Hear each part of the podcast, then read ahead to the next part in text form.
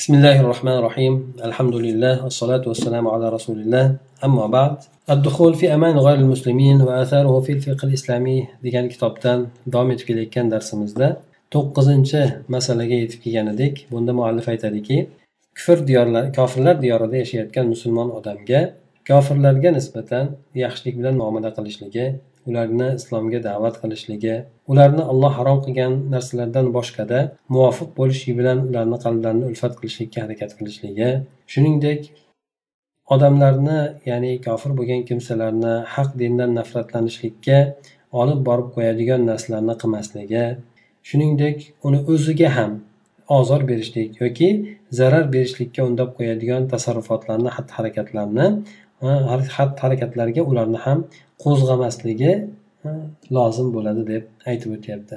Demak bu unvonda musulmon odam kufr diyorida yashar ekan odamlarga nisbatan yaxshi muomala qilishligi hamda alloh taoloni diniga muxolif bo'lmagan suratida ularni ularni e, ularga muvofiq bo'lgan holatida qalbini tashlashlikka harakat qilishligi hamda ollohni dinidan nafratlanib qolishlikka yoki o'ziga bironta bir zararni ozorni kelishligi sabab bo'ladigan xatti harakatlarni tasarrufotlarni qilmasligi mana shu narsa demak bu yerda ta'kidlab o'tilyapti. Muallif aytadiki kufr diyorida yoki kofirlar diyorida yashab yashayotgan musulmon odamga eng birinchi lozim bo'ladigan narsa bu da'vat hamda dinni yetkazishlik maydonida ekanligini bilishligi his qilishligi ya'ni jang yoki urush maydonida emas. Da'vat qilishlik dinni yetkazishlik maydonida ekanligini aniq anglab yetishligi lozim bo'lar ekan. Endi bu ikkala holatni o'rtasida juda katta farq bor.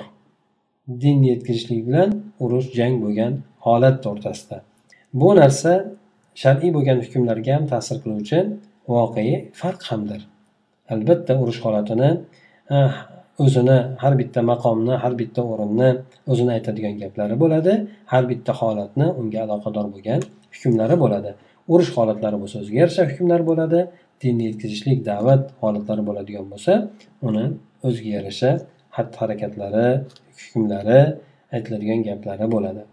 Kimki mana shu narsani aniq idrok etolmaydigan bo'lsa hamda o'sha narsani taqozosiga ko'ra xatti harakat qilmaydigan bo'lsa bu odam shariat chegaralaridan ham fitrat aql tabiat chegaralaridan ham bu odam chiqib ketgan bo'ladi deb aytib o'tadi. Nimaga endi fitrat? Fitrat insonni fitrati albatta inson tabiatida birovlarni yaxshi muomala qilishligini inson yaxshi ko'radi. Xuddi shuningdek insonlarda tabiatan boshqalarga ham yaxshi muomala qilishligi insondan talab qilinadi. Ana shunga ko'ra demak inson tabiati fitrati alloh taolo yaratgan insonda o'sha fitratini chegaralaridan ham chiqib ketgan bo'ladi. Sababi yaxshilikka nonko'rlik bo'ladi.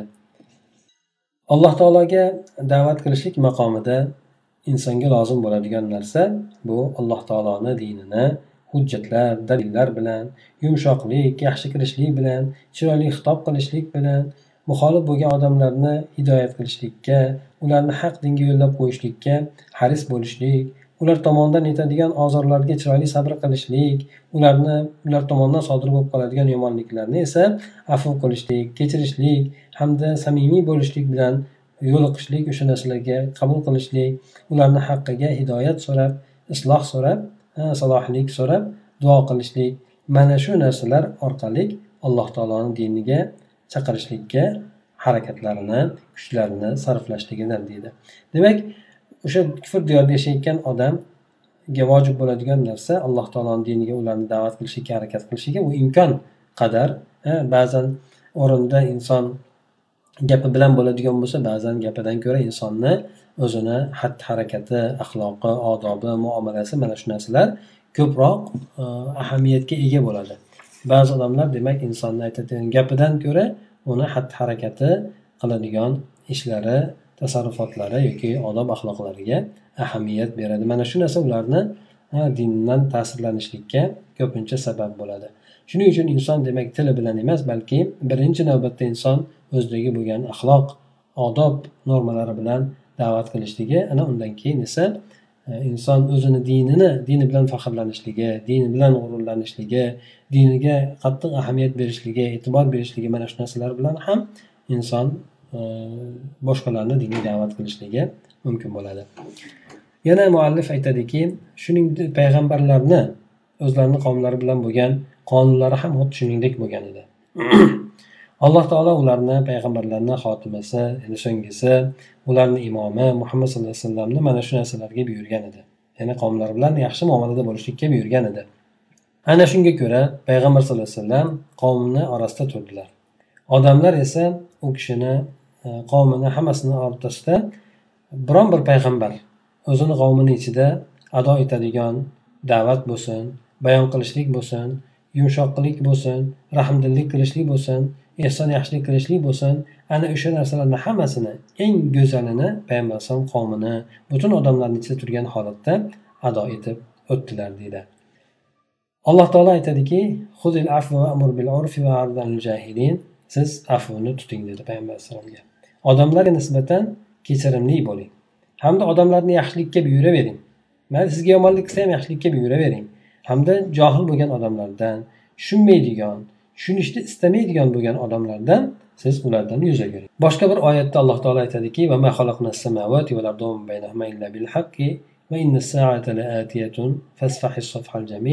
biz yer osmonlarni yaratdik uni o'rtasidagi bo'lgan narsalarni ham yaratdik barchasini haq bilan yaratdik deydi ya'ni alloh taolo biron bir narsani behudaga hech qanaqangi bir maqsadsiz yaratmagan.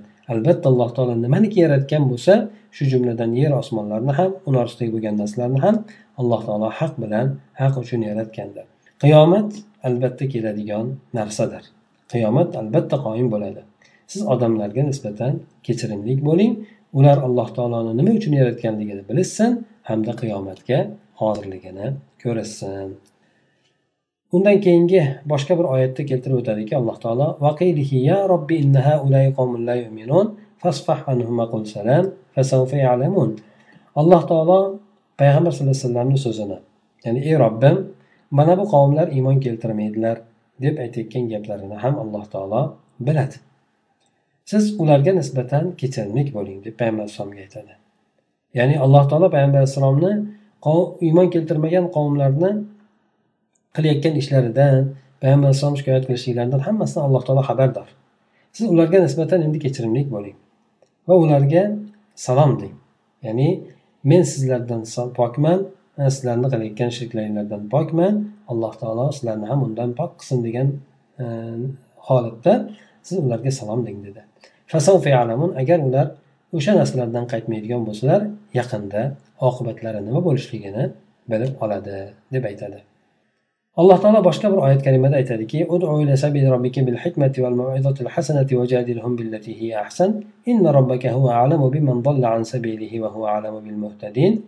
siz robbingizni yo'liga hikmat bilan chiroyli pand nasihatlar bilan da'vat qiling hikmat bilan degani odamlarni holatlariga rioya qiling ularni bilimlariga qabul qiladigan darajalarga rioya qiling mana shu narsalarni hammasi hikmat deb aytiladi. Ya'ni hikmat deganda har bir narsani o'zini munosib o'rnida qo'llashlik mana shu narsani hikmat deb aytiladi. Demak o'shanday hikmatni yo'lini tuting hamda chiroyli pand nasihatlarni ayting ularga nisbatan. Demak inson albatta allohni dinini yetkazayotgandan keyin unga chiroyli so'lgan so'zlarni gapirishlikka harakat qiladi. Alloh taoloni so'zlaridan ko'ra chiroyli bo'lgan so'zlar yo'q.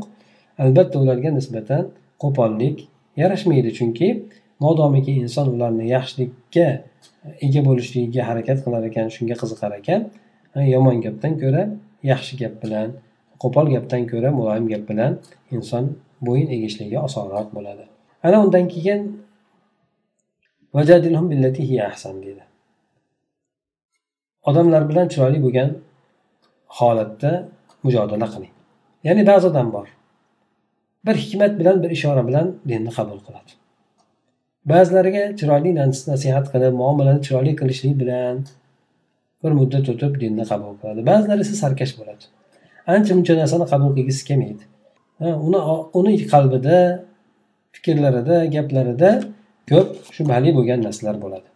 Ana o'shanday bo'lgan odamlar bilan endi chiroyli suratda mujodala qiling dedi. Pand nasihat foyda bermagan odamlarga nisbatan chiroyli suratda mujodala qiling dedi. Mujodala qilishlikdan maqsad haqni unga yetkazishlik. Haqni bayon qilib berishlik. Unda ham albatta inson chiroyli uslublarni tanlashi kerak bo'ladi. Albatta robbingiz bu qaysi bir kimsa uni yo'lidan adashib ketgan bo'lsa uni hammasini biluvchidir. Alloh taolo hidoyatda bo'lgan odamlarni ham biluvchidir. Alloh taolo demak adashgan odamlarni ham hidoyatdagi bo'lgan odamlarni ham barchasidan xabardor ekan. Bularni qaysi birlari hidoyatga loyiq bo'ladi qaysi birlari adashib ketib qoladi bu narsalardan alloh taolo hammasini biladigan xabardor ekan. Lekin insonni qiladigan ishi alloh tomonidan yuklatilgan vazifa baribir insonlarni yaxshilikka chaqirishlik. Ho u odam o'sha yo'lda gumroh yo'lda yoki zalolat yo'lida mahkam turib olib o'tib ketadimi yoki bo'lmasa hidoyatga kirib qoladimi baribir farqi yo'q. U odamlarga nisbatan yuqoridagi bo'lgan uslublarni qo'llab da'vat qilishlikka alloh taolo payg'ambari sallallohu alayhi vasallamni avvalo keyin orqasidan esa ummatini da'vat qilyapti shu narsaga amr etyapti. Alloh taolo boshqa bir oyatda aytib o'tadiki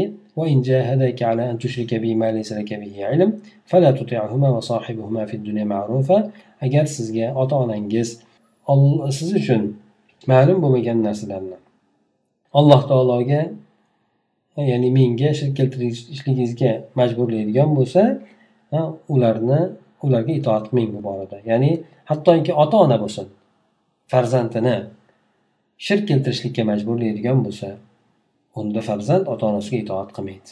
Bundan boshqa o'rinlarda albatta itoat qiladi degani chiqadi bunda. Va ularni dunyoda yaxshilik bilan hamroh tuting deydi.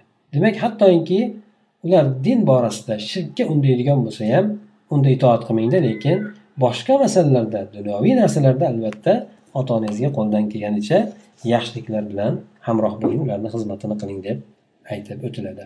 Demak mana bu o'rinda yuqoridagi bo'lgan oyatlarni qaraydigan bo'lsak alloh taolo payg'ambar sallallohu alayhi vasallamni kechirimli bo'lishlikka chaqirdi ho o'zini yaqinlari bo'lsin ho boshqa aytiladigan qavmlar bo'lsin alloh taolo ularni ko'p o'rinlarda payg'ambar alayhissalomni ularga nisbatan kechirimli bo'lishligini ta'kidlab buyurib o'tyapti. Andan keyin muallif aytadiki alloh taolo mo'minlarni mushriklarni botil bo'lgan xudolarni so'kishlikdan qaytardi. Bu albatta ularni hamiyatini asabiyatini tarafkashligini qo'zg'ab yuboradi. Bu narsa esa borib borib turib ularni haq bo'lgan alloh taoloni so'kishlikka undab qo'yadi. Ularni siz xudosini so'kadigan bo'lsangiz ular ham sizni xudoyingizni so'kib yuborishadi. Shuning uchun deb alloh taolo payg'ambar alayhissalomni qaytardi. Aytadiki sizlar mushriklar ollohsiz duo qilayotgan butlarini chaqirayotgan yoki ibodat qilayotgan butlarini so'kminglar bas ular unda alloh taoloni bilmasdan tajovuz qilib hadlardan oshib so'kib yuborishadi dedi. Demak butlarni so'kishlik o'zi aslida ibodat. Inson ajr oladi unga lekin u narsa yomon narsaga olib boradigan bo'lsa bunda u narsadan tiyiladi tiyinadi shuning uchun aytishadiki dirul mafasid muqaddamun ala jalbil masolih deb qoida aytishadi. Ya'ni zararni yoki yomon bo'lgan narsalarni daf qilishlik yaxshi bo'lgan narsalarni manfaat manfaatlarni jalb qilishlikdan ko'ra muqaddam qilinadi deydi. Mana bu oyatni ham o'shanga dalil qilib keltirishadi. Demak bu yerda foydasi bo'lgan narsa agar zarar keltirib chiqaradigan bo'lsa zarari og'irroq bo'ladigan bo'lsa unda foydali bo'lgan narsadan voz kechiladi. Uni ozginagina bo'lgan foydasiga qarab turib katta zararni inson jalb qilib olmaydi. Mushriklarni adovati makkada payg'ambar sallallohu alayhi vasallamga qattiqlashdi bular payg'ambar alayhisalomga ozor berishlik da'vatiga siqinti qilish siquv qilishlik sahobalarni azoblashlik mana shu narsalarga juda chuqur ketishdi. Alloh taolo payg'ambar sallallohu alayhi vasallamga ana o'shanda tog' farishtasini yubordi. Payg'ambar sallallohu alayhi vasallam toifga chiqib kelayotgan paytlarida juda qattiq bir qarshilikka uchragandan keyin o'tirib olib alloh taologa shikoyat qiladi duo qiladi. O'zini nochor holatga tushib qolganligidan alloh taolodan alloh taologa shikoyat qiladi. Shunda alloh taolo u kishiga toifdan qaytishlik yo'lida makkaga yetay deb qo'ygan paytlarida tog' farishtasini yuboradi. Shunda tog' farishtasi payg'ambar alayhisalomga aytadiki ey muhammad sallallohu alayhi vasallam albatta alloh taolo sizni qavmingizni sizga aytgan gapini eshitdi hammasini. Men tog' farishtasiman robbingiz sizga meni o'zingizni ishingizga buyrug'ingizni buyurishligingizga jo'natdi. Nimani xohlaysiz men nima qilay? Nima buyrugingiz bo'ladigan bo'lsa ayting men o'shani bajaraman deb u kishi aytdi. Agar xohlasangiz men ularga axshabayn ya'ni makkani ikkita tomonni to'sib turuvchi bo'lgan tog'lar ana o'shalarni ularni ustiga yopib qo'yishligimni xohlaydigan bo'lsangiz men o'sha narsani qilaman deb u kishi aytdi. Ya'ni butun makkani tog' bilan ustiga qoplab qo'yaqalaman deb bu kishi aytdi. Shunda rasululloh alayhi vasallam u kishiga aytdiki balki men alloh taolo ularni sulbidan ollohni yolg'iz o'ziga ibodat qiladigan bironta narsani shirk keltirmaydigan kimsalarni chiqarishligini umid qilaman dedi. Payg'ambar sallallohu alayhi vasallam demak uzoqroq kelajakka qaradi. Bularni o'zlari garchi o'zgarmasdan o'lib ketadigan bo'lsa ham lekin bularni keladigan farzandlaridan men allohni ibodat allohni yolg'iz o'ziga ibodat qiladigan hech bir narsani shirk qilmaydigan bir farzandlarni e, vujudga kelishligini men umid qilaman deb payg'ambar alayhisalom demak oyog'ini ostiga emas balki uzoq bo'lgan kelajakka nazar tashlab ularni haqqiga yomon ishni qilishlikdan bosh tortdi. Agar bu kishi xohlaganlarida edi alloh taolo bu farishtalarni yuborganligidan makka ahlini halok qilib yuborgan bo'lar edi. Abdulloh masud roziyallohu anhu aytadilarki bir kuni ya'ni men payg'ambar sallallohu alayhi vasallamga qarab turar edim dedi. Go'yoki men u kishiga qarab turardim. U kishi payg'ambarlardan bir payg'ambarni hikoya qilib berardi. Qavmi urib tashlagan qonatib tashlagan bu esa yuzidan qonni artib tashlagan holatda artayotgan holatda aytardiki allohimma firli qavmi allohim meni qavmimni gunohlarini mag'firat qilgin chunki ular bilishmayapti deb qavmiga alloh taologa gunohlarini kechirishligini so'rab duo qilib turardi deydi. Abdulloh masud demak mana shunday holatda payg'ambar alayhisalomni ko'rgan ekan. Ba'zi rivoyatlarda go'yoki payg'ambar alayhisalom o'zini qasd qilayotganidek tushundim degan mazmunni ham aytganligi allohu alam keladi. Ya'ni bu yerda payg'ambarni qissasini aytib berishligi orqali go'yoki payg'ambar alayhisalom o'zini qissasini aytib berayotgandek men tushundim degan mazmunda abdulloh masud roziyallohu anhu allohu alam aytib o'tyapti. Payg'ambar sallallohu alayhi vasallamni ham mana shu holatga tushirishgan edi. U kishini juda qattiq urishib yuborgan edi. Bir kuni payg'ambar alayhisalom aytadi juda qattiq urishgan unday bir hech urishmagandi degan mazmunda ham gaplarni aytib o'tadi. Ana shunday bo'lsa ham ularga nisbatan kechirimlik bo'lganlar. Abu hur roziyallohu anhu aytganlarki aytildiki ey rasululloh mushriklarga qarshi e, duoibat qilmaysizmi? Ya'ni duoibat qiling deb u kishiga aytilgan paytida payg'ambar alayhisalom aytdilarki men rahmatan. Men e, la'natlaguvchi bo'lib ularga duoibat qiluvchi bo'lib yuborilganim yo'q balki men rahmat qilib yuborildim rahmat bo'lib yuborildim deb payg'ambar alayhissalom mushriklarga duoibat qilishlikdan e, tiyilgan ekan yoki o'shandan o'zlarini tiygan ekanlar. Ba'zi o'rinlarda o'tkazib yuborgan o'rinlarda payg'ambar alayhisalom duoibat qilgan. Xosatan qur'oniy yillarda o'sha e, bir qilgan qilmishiga nisbatan payg'ambar alayhissalom e, ularga nisbatan qattiq duoibat qiladi. Bular halok bo'ladi. Undan tashqari yana payg'ambar alayhissalom qorilarni o'ldirib yuborgan qavmga nisbatan ham duoibat qiladi bir oy duoibat qiladi. Undan tashqari yana ba'zi mushriklarni o'sha abu jahl abu abu lahab mana shularni haqqiga ham payg'ambar alayhissalom e, u kishini juda qattiq ozor berib yuborgandan keyin duoibat qiladi. Alloh taolo bu duoibatlarni ijobat qiladi lekin ba'zi o'rinlarda u kishi duoibat qilgan o'rinlarda alloh taolo qaytaradi. Sababi u bandalarni alloh taolo keyinchalik e, hidoyat qiladi. Shuning uchun ularni duoibat qilishlik sizni qo'lingizda emas. Deb alloh taolo payg'ambar alayhisalom ularni duoibat qilishlikdan qaytaradi.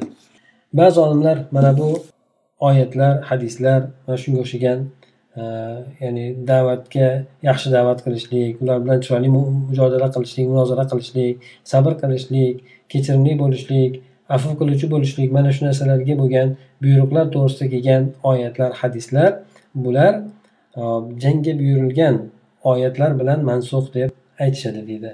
Ya'ni jang qil butunlay kofirlarni hammasiga jang qilishlikka buyurilgan oyatlar bilan bunday bo'lgan e, bunday narsalarga buyurib kelgan hadislar oyatlar mansux bo'lgan. Ya'ni oxirgi davrlarda payg'ambar alayhisalom jangga buyurgan shuning uchun bunaqa narsalar qilinmaydi kechirimli bo'linmaydi degan e, gapni aytishadi. Sahiy bo'lgan ya'ni muhaqqiq olimlar izlanuvchi bo'lgan olimlardan bo'lgan sahih gap shuki deydi bu oyatlar yuqoridagi ya'ni kechirimlikka kechirimli bo'lishlikka buyurgan ularga yaxshi gaplarni gapirishlik da'vat qilishlik shu mujoza chiroyli suratda mujoza qilishlikka bo'lgan e, oyatlar mansux emas balki ikkala hukmni ham har biri uchun o'zini sabablari bor o'zini o'rinlari bor o'zini munosabatlari bor deb aytib o'tadi.